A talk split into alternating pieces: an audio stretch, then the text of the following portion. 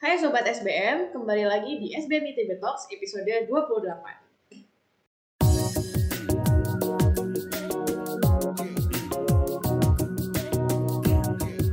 Perkenalkan, aku Grace Natasha Kristiadi, mahasiswa manajemen SBM ITB, angkatan 2018 jurusan manajemen, yang akan menjadi announcer di SBM ITB Talks episode 28 kali ini. Di SBM ITB Talks kali ini, kita akan berbincang-bincang bareng Bapak Edmond Chairel, alumni MBA SBM ITB tahun 2002. Nah, sekarang beliau menjabat sebagai Director of Operation dari Kerry, sebuah perusahaan food and beverage berskala internasional. Selamat siang, Bapak Epon. Selamat siang, selamat siang, Grace. Oke, kita akan ngobrol-ngobrol selama satu jam ke depan nih bareng Bapak Edmond uh, tentang be an agile leader. Nah, teman-teman atau sobat SBM yang penasaran nih dengan apa sih agile leader itu? Nah, Bapak Edmond Cheryl ini sangat berpengalaman nih dan punya banyak sekali story-story yang bakal nanti kita sharing bareng di mana kita akan membahas gimana sih caranya jadi agile leader apalagi di waktu-waktu yang seperti sekarang nih kayak gimana cara leader bekerja agility-nya untuk bisa kerja bersama tim itu perlukan seperti itu. Nah, oke okay, sebelum kita langsung masuk ke diskusi kita, saya memperkenalkan dulu Bapak Edmond Cheryl ini jadi uh, beliau menyelesaikan pendidikan pasca sarjananya di MBA SBM ITB tahun 2002. Kemudian Bapak Edmond Cheryl melanjutkan karir sebagai seorang manajemen trainee di Sarali Branded Apparel. Selama melanjutkan 10 tahun di Sarali, Bapak Edmond Cheryl membangun karir di beberapa divisi, berbeda tingkat manajerial, hingga akhirnya menduduki jabatan sebagai Manufacturing Director di tahun 2020, 2012 maaf hingga 2015 Bapak Edmond Cheryl memutuskan untuk menjadi bagian dari SG Johnson sebagai Marketing and Commercial Leaders dan sejak tahun 2015 hingga saat ini beliau memilih untuk menjadi Director of Operations dari Kerry, sebuah perusahaan food and beverage berskala internasional. Nah, ini dia tadi uh, background dari Bapak Edmond Cheryl. Sebenarnya kita mendengar ya, jadi beliau mengawali karir menjadi di bagian manufacturing ya Pak, manufacturing director sampai betul. menjadi manufacturing director. Kemudian nih yang uniknya dari operation nih langsung ke marketing nih Pak. Komersial ya, iya iya iya. Ya betul. Nah ini kan pasti berhubungan banget Pak dengan gimana cara leaders itu belajar, gimana cara leaders beradaptasi, diperlukan sebuah agility di situ ya Pak. Nah hmm. menurut Bapak Edmond Cheryl nih, apa definisi dari agile leader sih Pak? Oke, okay. jadi yeah. sebetulnya kalau mau dibahas sebetulnya jauh lebih dalam. Sebetulnya yang uh, agile itu bukan leadernya sebetulnya, cuman personnya okay. sebetulnya ya. Jadi hal ini sangat penting, terutama buat teman-teman yang kaum tahun 2000-an ke atas ya. Sangat penting karena apa? Karena beda dengan kami ya, waktu kami yang anak tahun 80 90-an itu, future itu certain gitu ya. Jadi kita udah ngerti bahwa uh, karir yang bakal bagus di ke depan tuh apa. Negara itu udah ada rencana, Repolita mau ke mana. Jadi udah jelas gitu ya tahap-tahapannya. Cuman buat teman-teman yang masih baru nih, yang anak tahun 2000, 2010, 2020, dan selanjutnya, kalian tuh bakal berhadapan dengan kondisi yang benar-benar uncertain ke depannya. Jadi kalau kalian lihat disrupsi di teknologi, disrupsi di uh, bisnis, termasuk yang COVID sekarang, itu tuh makin rapid, dan jaraknya itu makin dekat-dekat dan impact itu makin dalam gitu ya. Jadi kalau angkatan kami uh, agile itu sebetulnya luxury aja gitu. Jadi kalau orang yang bisa agile dia ada added value gitu ya. Cuman kalau buat teman-teman sekarang agile itu keharusan sebetulnya. Jadi udah uh, prerequisite condition aja kalau masuk ke dunia bisnis gitu ya atau ke dunia kerja atau even mau hidup sekalipun gitu ya. Nah, jadi agile itu apa sih sebetulnya? Jadi agile itu sebetulnya ada beberapa ya. Jadi kalau komponen-komponen agile itu kalau kita bagi-bagi itu adalah sebetulnya yang pertama itu ada curiosity gitu ya. Jadi teman-teman harus selalu curious gitu. Jadi jangan pernah suka sama status quo gitu ya. Kalau ada satu kondisi kata udah stable, pertanyakan terus gitu ya. Curious, be curious, tanyain terus. Apa ada yang bisa lebih bagus dari ini? Apa benar ini yang terbaik gitu ya. Yang kedua itu teman-teman harus punya courage jadi kalau udah curious, cuman nggak punya courage, ya cuma nanya-nanya doang gitu, nggak ada impact-nya gitu ya. Jadi kalau udah curious, habis itu punya courage untuk challenge itu. Itu yang kedua ya. tapi semuanya harus based on critical thinking. Jadi nggak bisa tuh udah Korea segala macam, cuman maju aja kualitatif gitu. Saya nggak suka ini demo-demo nggak boleh gitu ya. Harus ada critical thinking. Jadi pada saat mengajukan satu konsep atau yang lain, penyampaian itu terstruktur, ada pola pikirnya, root cause analysisnya ada, terus tahap-tahapan untuk melakukan sintesis, analisis harus jelas gitu ya. Jadi critical thinking harus ada di sana. Terus kemudian yang berikutnya yang yang yang penting adalah creativity. Jadi gini, kalau kalian mau jadi agile gitu ya, siapa mau jadi agile, jadi pemimpin atau jadi uh, pengusaha atau jadi karyawan apa pun, kalian harus punya creativity. Jadi kalau kalian sudah melakukan analisis, pada saat melakukan sintesis itu jangan yang biasa-biasa aja, harus kreatif gitu. Ya harus beda. Jadi kalian tuh harus nganggap diri kalian itu kayak pelukis gitu ya. Jadi pelukis itu nggak bisa ya, misalnya dia saat ini dia bikin satu lukisan masterpiece gitu ya. Besoknya, oh ini masterpiece, orang-orang pada muja-muja. Besoknya dia bikin lukisan yang itu lagi, nggak bisa gitu ya. Jadi harus kreatif. Jadi kalau kalian melakukan um, analisis, sintesisnya itu harus out of the box gitu ya. Terus yang berikutnya adalah kalian tuh harus fleksibel gitu ya. Jadi ingat pada saat kalian mempertanyakan status quo, kalian coba courage untuk menantang sesuatu yang kondisi yang ada, kalian harus cukup fleksibel. Karena ingat, kalian harus aware bahwa yang saat itu mempertanyakan kemungkinan itu cuma kalian doang gitu ya. Jadi kalian nggak bisa tuh kayak batu di tengah mempertanyakan tertentu, ada pendapat lain, kalian nggak mau nggak boleh. Harus cukup fleksibel untuk gerak ke sana kemari gitu ya. Terus yang kemudian yang berikutnya kalian juga harus jelas harus punya visi. Jadi gini, nggak boleh mempertanyakan just a matter of mempertanyakan aja. Pokoknya gue mau beda gitu ya, gue nggak mau mainstream, nggak boleh gitu. Saat mempertanyakan harus ngerti gitu, visi ke depannya apa, gambaran besarnya apa, the big picture-nya apa, harus ada itu. Sehingga pada saat kalian sampaikan itu ke orang lain itu compelling gitu ya. Itu compelling. Jadi kalau misalnya orang kita harus berubah buat apa gambaran besarnya? Kalau nggak ada gambaran besarnya nggak compelling buat orang. Jadi harus ada yang tadi visionnya harus ada gitu ya gambaran besarnya harus ke, harus ada ke depannya. Kemudian yang berikutnya itu kalau aku sih suka nyebutnya conviction ya jadi kalau kalian udah, jadi ini agak berlawanan dengan yang tadi ya. Yang tadi itu kan kebayangnya fleksibel, bisa bisa mengerti segala macam, coba gitu ya, Eja mempertanyakan.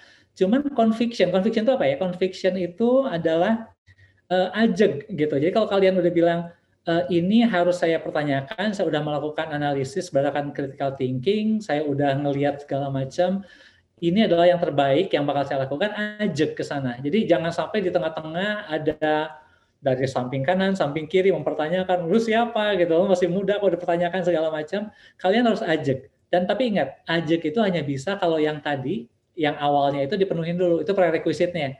Kalau kalian ajak cuman yang awalnya nggak dilakukan, itu jadi orang keras kepala gitu ya. Jadi ingat ya, jadi setelah itu semua dilakukan, ajak gitu ya. Terus abis itu, ingat pada saat implementasi orang udah on on board dengan kalian nggak percaya, kalian tuh harus punya, harus bisa tolerance ke ambiguity gitu ya. Karena apa? Karena kalau kalian eh, eksekusi sesuatu yang biasa-biasa aja, semuanya udah ada di books gitu ya. Bisa baca di books, bisa baca di internet, tanya orang segala macam. Tapi kalau kalian mempertanyakan sesuatu yang baru dan kalian put creativity ke dalamnya, segala sesuatu bakal ambigu gitu. Ini benar atau enggak ya? Ini kayaknya benar tapi ini juga benar gitu ya. Dan kalian harus punya toleransi terhadap ambiguity itu. Jadi jangan sampai begitu ambigu ngambek gitu ya, yang udah ambigu jadi tarik diri gitu ya. Nggak jelas ini kata ini benar ini benar. Kata orang itu benar itu benar. Nggak boleh gitu ya. Kalian harus punya toleransi ke ambiguity. Dan pada saat terjadi ambiguity take side gitu. Take decision saya mau ambil yang mana? Itu yang pertama ya. Terus yang kemudian yang yang yang paling penting yang terakhir ada yang paling penting ya adalah emotional resilience ya. Jadi itu penting banget. Percayalah prosesnya nggak mudah percayalah bakal kena ke sesuatu yang nge-challenge banget ya. Contohnya kalau dari contoh saya, pada saat saya udah selesai di, di manufacturing director, saya mau pindah ke, itu kan total ya operation, terus pindah ke komersial ya. Itu totally two different kind of animal, beda sama sekali gitu ya, beda sama sekali. Uh, apa yang harus dihadapin? Saya harus rela untuk turun uh, jabatan ya. Awalnya director, sekarang jadi uh, junior manager even mungkin bukan junior manager ya, dia junior manager cuma gara-gara nggak enak aja. Sebetulnya saya mungkin supervisor ke bawah sebetulnya ya. Nah itu adalah emotional resilience ya. Yang yang challenge siapa? Keluarga gitu ya. kamu kok mau kayak gitu gitu ya pasangan mungkin ya atau siapa pun atau lingkungan itu ada emotional resilience di sana jadi kalau kalian udah believe dengan ujungnya apa apa pun yang ada di sana kalau kalian believe bahwa ini pathnya jadi ke depannya bakal membaik ya so be it gitu lakukan kalian harus bisa manage emosi kalian gitu ya jadi challenge-nya bakal banyak banget. Kamu siapa? Belum punya pengalaman di sini, belum punya pengalaman di sini. Kenapa? Oh, banyak banget gitu ya. Harus punya emotional resilience itu ya. Nah, terus tapi yang berikutnya yang ada dua hal yang bikin semuanya ini bisa jadi materialize gitu ya. Jadi yang tadi itu semuanya bisa terjadi di kamunya kamunya kalian di kita sendiri gitu ya. Cuman yang bikin semuanya materialize jadi satu yang terorganisir, satu yang besar, satu movement yang impactful gitu ya yang bisa nendang itu adalah kemampuan kalian untuk komunikasi gitu ya. Ideas-ideas besar itu ada dua hal. Yang pertama ideasnya oke okay, tapi yang kedua yang kedua adalah kemampuan untuk mengkomunikasikan ideas itu sehingga orang bisa nangkap ideas itu benar-benar besar sebesar apa yang ada di kepala kalian itu keahlian tertentu ya jadi kemampuan komunikasi harus bagus tapi yang kedua yang paling penting juga yang berikutnya adalah kolaborasi jadi once kalian udah bisa mengkomunikasikannya kalian nggak mungkin mengeksekusi itu sendirian, nggak akan pernah mungkin. Kalian butuh tim, kalian butuh partners gitu. Kemampuan collaboration yang di, yang yang dibutuhkan. Jadi jadi begitu udah uh, semua udah believe, semuanya udah ngerti ide kalian, kemampuan kita untuk kolaborasi dengan dengan dengan orang ya, kemampuan untuk ngertiin orang dulu gitu ya. Try to understand to be understood gitu ya, kolaborasi ngertiin mereka, concern mereka apa, uh, challenges yang mereka hadapin apa, coba mengertiin mereka sehingga bisa terjadi kolaborasi. Nah, kalau semua step-step yang tadi, semua hal-hal yang tadi itu bisa dilakukan dan bisa diinterpretasikan, kalian jadi orang yang agile. Di mana pun posisi kalian, mau jadi karyawan ya agile, mau jadi pemimpin yang agile, mau jadi ibu rumah tangga ya agile, mau jadi anak ya agile, mau jadi mahasiswa yang baru lulus dan masuk ke lingkungan yang totally different dari yang kalian pikirkan pada saat masuk kuliah, kalian ya agile gitu. Dan itu sangat penting buat anak sekarang ya. Kalian nggak ngerti tuh nanti misalnya uh, masuk sekarang, lulus lima tahun lagi, mungkin udah totally different gitu. Yang kalian pelajari di kuliah tuh udah mungkin udah insignifikan gitu ya, udah at least sampel-sampelnya lah ya, sampai udah udah nggak jelas lagi nih apa gitu. Yang di buku-buku udah nggak udah udah nggak nggak kenal lagi gitu ya. Nah saat itu yang hanya bisa nyelamatin kalian adalah agility tadi. Kalau orang yang dari awal udah ngerti bahwa pada saat saya lulus jangan-jangan yang diajarkannya sebetulnya udah nggak relevan lagi, yang saya ambil dari pelajaran yang diberikan dosen, baca di buku adalah essence-nya, between the lines-nya. Jadi kalau letter luck, kalau yang tertulis, yang tersurat itu bisa expired. Cuman kalau underlying thought-nya gitu ya, between the line-nya itu nggak pernah nggak pernah basi gitu ya. Nah, jadi justru itu yang harus dikejar. Gitulah kira-kira. Kayaknya pertanyaan ke bawah juga udah kejawab semua Pak. di pertanyaan pertama. Karena udah lengkap ya satu paket gitu. Nah, cuman tadi nih Pak, sebelum kita lanjut ke pertanyaan berikutnya, uh, aku penasaran sebenarnya sih Pak. Jadi kan tadi uh, kalau boleh aku konklusiin itu ada uh, tiga step ya Pak. Yang pertama kita harus mempertanyakan kita harus hmm. punya keberanian untuk mengeksekusi kita harus punya hmm. root cause yang benar dan Uh, dibalut dengan kreativitas tadi kalau Edmond terus kalau misalnya kita udah punya uh, background ini atau kayak pertanyaan sintesis kita, kita balut dengan eksekusi yang fleksibel dan nggak batu ya Pak.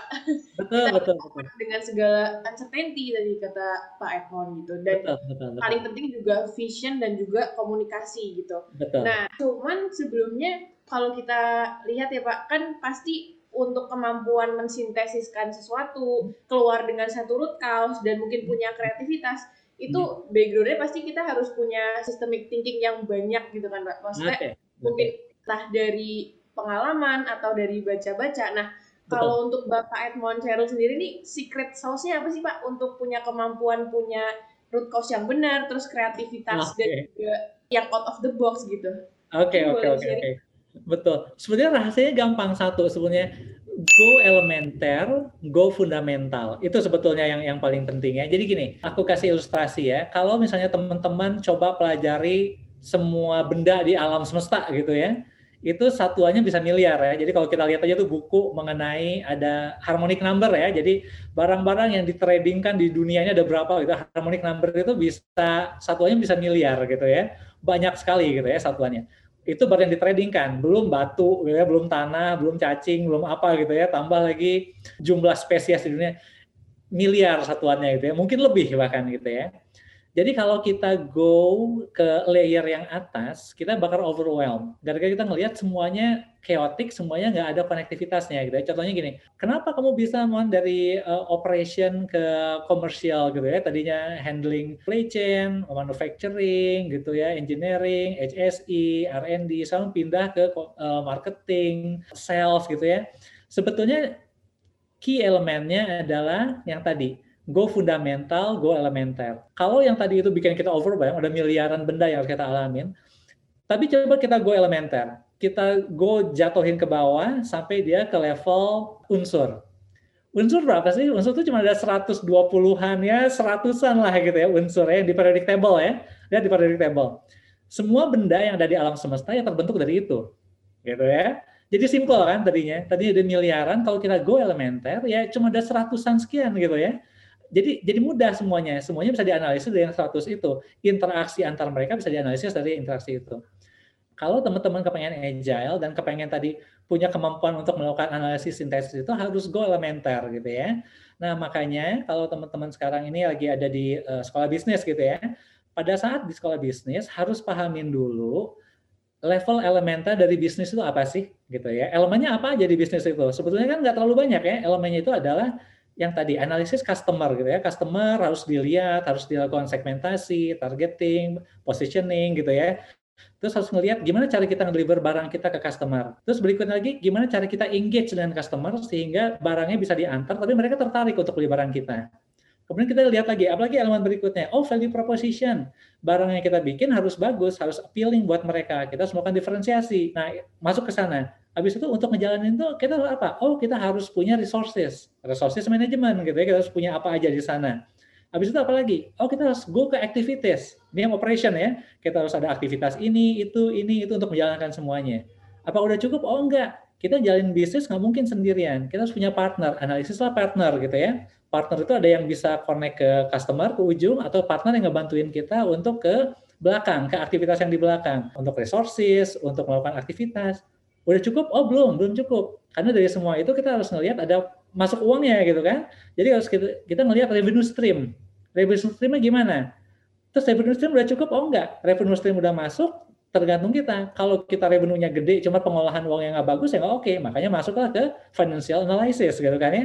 Nah kalau teman-teman udah pahamin gambaran besarnya dan level-level elementernya pada saat teman-teman belajar di SBM gitu, teman-teman melihat semua itu sebenarnya saling connected gitu, dan mereka saling connected satu dengan sama lainnya. Jadi pahamin dulu secara besarnya, baru go deep ke dalamnya, baru pelajarin operation management, financial management, marketing management segala macam gitu ya.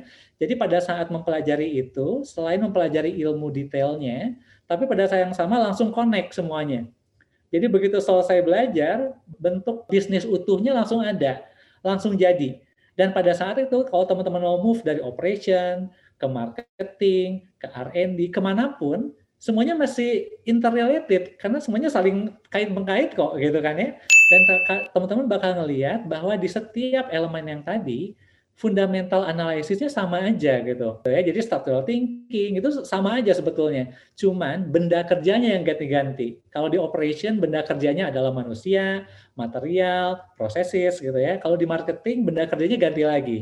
Move ke kanan ke kiri ke depan ke belakang logiknya sama aja kok sebetulnya gitu. Dan yang paling menyenangkan adalah tadi ke mana pun kita pindah, kita bakal ngeliat ujungnya sama. Jadi semuanya konvergen gitu, nggak divergen gitu ya. Ya bisnis gitu. Rahasianya adalah fundamental, go elementer. Nanti kalau kata orang itu the devil is in the uh, details ya. Emang benar gitu. Kalau kepengen ngeliatin gimana cara improve yang bagus, gimana mau solve problem dari level fundamental bukan firefighting, harus go fundamental, go elementer. Oke. Jadi kata Pak Edmond kita harus go fundamental dan go elementer tadi ya Pak. Berarti kalau sekarang kalau misal kita bahas nih Pak dalam segi implementasinya setelah kita belajar hal dan berkaitan satu sama lain nih biasanya itu Bapak Edmond gimana sih Pak step by stepnya supaya kita tuh bisa menerapkan si agile? Maksudnya dari kita tadi mungkin udah mengkonsepkan strateginya kita udah tahu cara belajarnya dan udah menerapkan root cause dan juga mungkin udah siap nih sama ide-ide kreatif dan yang fresh yang out of the box itu. Nah implementasinya di lapangan nih sebenarnya step by stepnya gimana nih kalau tips and trick dari Pak Edmond di lapangan khususnya? Jadi kalau misalnya udah pahamin itu semua ya step-step yang tadi ya, yang paling penting adalah anchoring. Jadi sebetulnya dalam bisnis itu the most important uh, elemen itu apa sih gitu ya? Karena apa anchor itu bakal nentuin kita ke mana pun kita jalan, ujungnya itu aimnya tetap satu gitu ya. Dan kalau bisnis anchornya itu nggak ada yang lain ya, pasti consumer ya itu anchornya ya. Jadi jadi pada saat teman-teman bergerak-gerak gitu ya dari operation, karena anchornya consumer, teman-teman ngerti bahwa memang saya harus bikin produk jumlahnya banyak supaya costnya lebih rendah karena dapat economic value.